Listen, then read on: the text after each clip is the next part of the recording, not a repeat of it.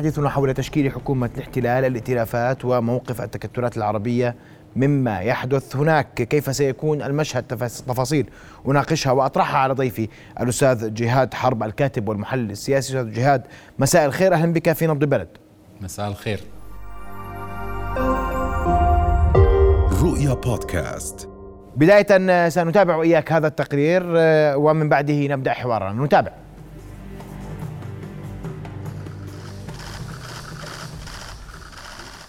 الفلسطينيون على أعتاب مرحلة جديدة وخطيرة ومختلفة من الصراع ضد الاحتلال حيث سيواجهون بحسب مراقبين حكومة هي الأشد تطرفا في تاريخ الكيان بعد الاتفاق الذي أبرم بين المكلف بتشكيل حكومة الاحتلال الجديدة بنيامين نتنياهو مع زعيم حزب القوة اليهودية المتطرف إتمار بنكفير والذي يقضي على تولي الأخير الحقيبة المستحدثة الأمن القومي. هذا إضافة إلى اتفاق وشيك لنتنياهو مع أحزاب يمينية متطرفة أخرى لتولي حقائب وزارية سيادية متنفذة في حكومته الجديدة. هذه الاتفاقيات قد توصل بيتسليل سموتريتش زعيم حزب الصهيونية الدينية إلى وزارة الدفاع. اتفاق نتنياهو بنكفير حقق الأهم للأخير الذي لم ينل وزارة الأمن الداخلي فقط بل وأضيف لها عددا من المهام المتعلقة بالضفة الغربية فتحولت لوزارة الأمن القومي تماما في ذات الإطار الذي كان يصبو إليه مع صلاحيات مفتوحة تتيح له تطبيق ما يريد من كراهية بحق الفلسطينيين في مختلف أماكن تواجدهم.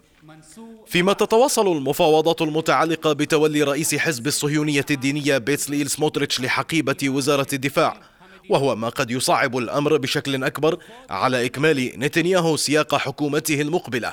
لكنه لا ينفي أنها ستكون الأكثر تشددا وتطرفا حتى ولو تأخر تشكيلها.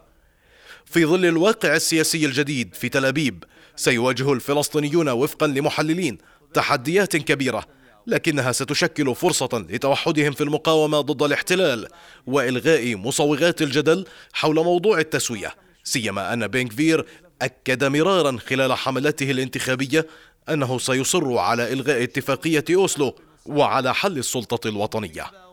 من فلسطين المحتلة حافظ أبو صبرة رؤيا.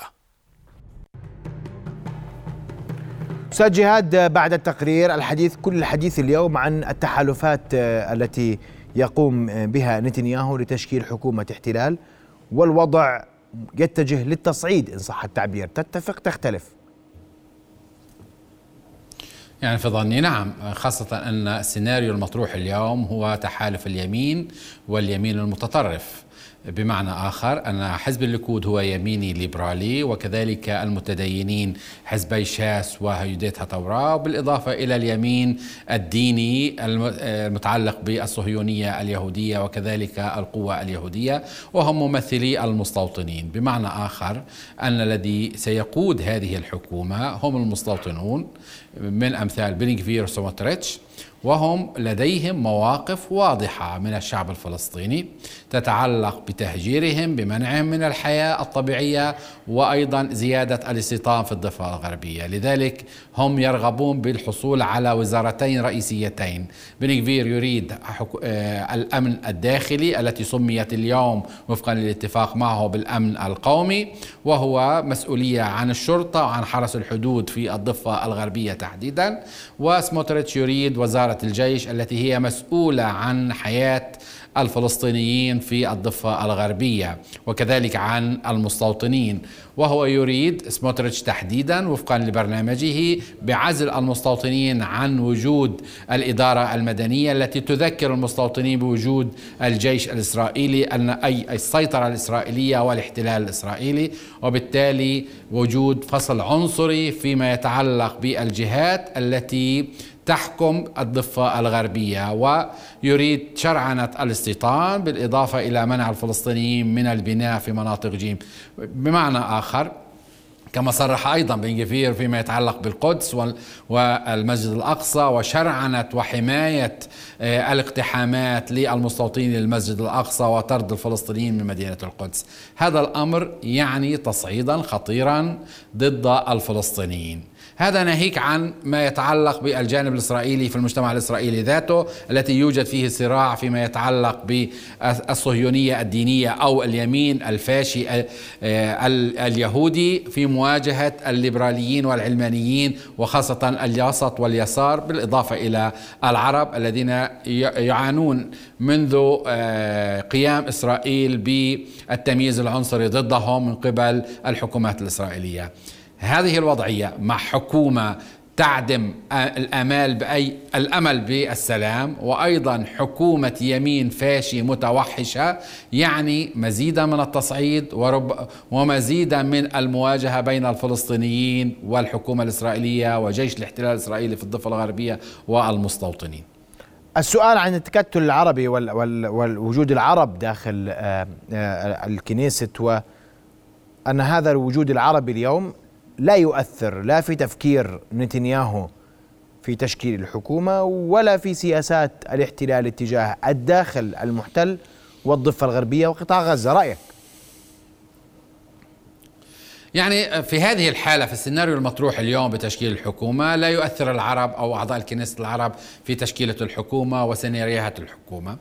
آه، وبالتالي آه، سيأخذون جانب جانبين رئيسيين في عملهم في الكنيسة. الأول في الجانب السياسي وهو الدفاع عن حقوق الفلسطينيين وتعرية نظام الفصل العنصري الإسرائيلي القائم وهذه الحكومة تحديدا حكومة اليمين الفاشي بالإضافة إلى حقوق العرب أو الدفاع عن حقوق الفلسطينيين في أراضي 48 هذا ما سيقوم عليه آه، ركائز عمل أعضاء الكنيسة العرب دون الدخول في الحياة السياسية داخل الحكومة الإسرائيلية التي من الواضح أنها لن تستطيع ولن تقبل بوجود العرب داخل هذه الكنيسة خاصة أن سموتريتش يرفض رفضا تاما وقاطعا وجود أي من الأحزاب. حتى آه، آه، آه، الكتلة الموحدة لأن تكون عضوا أو جزءا من الحكومة أو تأييد الحكومة. وفي كل الأحوال نتنياهو بهذه المجموعة لديه أغلبية 64 صوتا وبالتالي ليس بحاجة لفتح حوار مع أي من القوائم العربية سواء المعارضة له أو التي كان يمكن أن تكون في في تشكيلته في المرة الماضية عندما فشل بتشكيل الحكومة. وهذا يعني أن العرب سيكون لديهم دورا سياسيا يتعلق بالحقوق وتعرية هذه الحكومة. والنضال سيكون في الكنيست بهذا الاتجاه. أما فيما يتعلق بالحكومة ذاتها أو جزءا منها لا أعتقد ذلك لأي طرف من الأطراف العربية والتي في جزء كبير منها يرفض أن يكون جزءا من الحكومات الإسرائيلية. نعم إذا في ذات الإطار اليوم ماذا يملك؟ وهذا سؤال مهم ماذا يملك الفلسطيني؟ ماذا يملك العربي؟ ماذا يملك الجميع في مواجهة الحكومة القادمة نتنياهو وهذه السياسة المعلنة له. الفلسطينيون يملكون الكثير إذا آه، شئت فيما يتعلق بمقاومة الاحتلال الإسرائيلي. لكن هم يحتاجون إلى برنامج وإلى وحدة فلسطينية داخلية لتعزيز قوتهم في مواجهة الاحتلال وإجراءاته وإجراءات المستوطنين الذي تزداد عنفا ضد الفلسطينيين خاصة في مناطق جيم. ثانيا أن الفلسطينيين يمتلكون أيضا إمكانيات التحرك السياسي على المستوى الدولي وكذلك العرب آه، الدول العربية الأهم في ظني آه، هو ما شاهدناه في المونديال من من عدم قدرة العرب على استيعاب إسرائيل في هذه المنطقة في ظل إجراءاتهم آه، التعسفية واحتلالهم الأراضي الفلسطينية. بمعنى آخر أن حتى اتفاقات أبراهام التي تغنى بها نتنياهو لم تستطع أن تقرب العرب من إسرائيل ما داموا يحتلون الأراضي الفلسطينية وما داموا يقتلون الفلسطينيين ويهجرون الفلسطينيين ولا يجدون سلاما مع الفلسطينيين. بمعنى إسرائيل وشرعيتها وشرعية أي حكومة إسرائيلية مستقبلا في هذه المنطقة تمر عبر الفلسطينيين. دون أن يكون هناك سلاما مع الفلسطينيين واحقاقا لحقوقهم لن يكون هناك شرعية لهذه الدولة ولحكوماتها أمام المجتمع العربي والشعوب. العربية. نعم. أه، أستاذ جهاد أه، بدي أشكرك كل الشكر على أه، وجودك معنا وأسمع منك تعليق أخير تعتقد أن نتنياهو سيحصل على اغلبيه أكثر من 64 في تحالفاته ولتعتقد أن اليمين الأقل تطرفا قد يتحالف معه في قادم الأيام يعني لا أعتقد أن الوسط واليسار سيتحالف مع نتنياهو لأنه لديه إشكاليات كبيرة إما على المستوى الشخصي مثل ليبرمان على سبيل المثال أو على المستوى المفاهيمي وخاصة فيما يتعلق بالقضاء الإسرائيلي.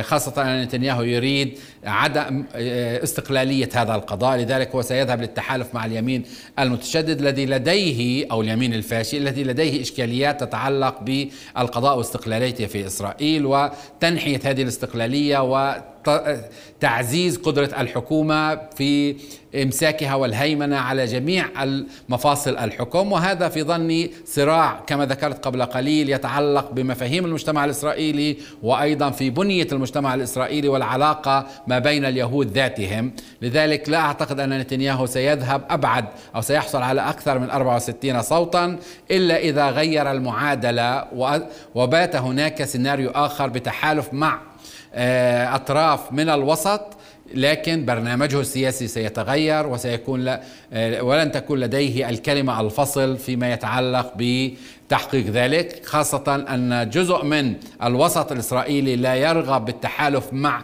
المتدينين وهو مع حزباه شاس وهيدتها توراة فيما اليسار الإسرائيلي لا يستطيع التحالف مع سموتريتش نعم. وبن في حكومة واحدة وبالتالي هذا آه، يصعب على نتنياهو فتح واضح. حوار مع ما سمي بكتلة التغيير أي تغيير نتنياهو من الحكم جميل. كما رأيناها في الحكومة السابقة. نعم. الكاتب والمحلل السياسي الأستاذ جهاد حرب كنت معنا مباشرة من استديوهاتنا في رام الله. أشكرك كل الشكر. رؤيا بودكاست.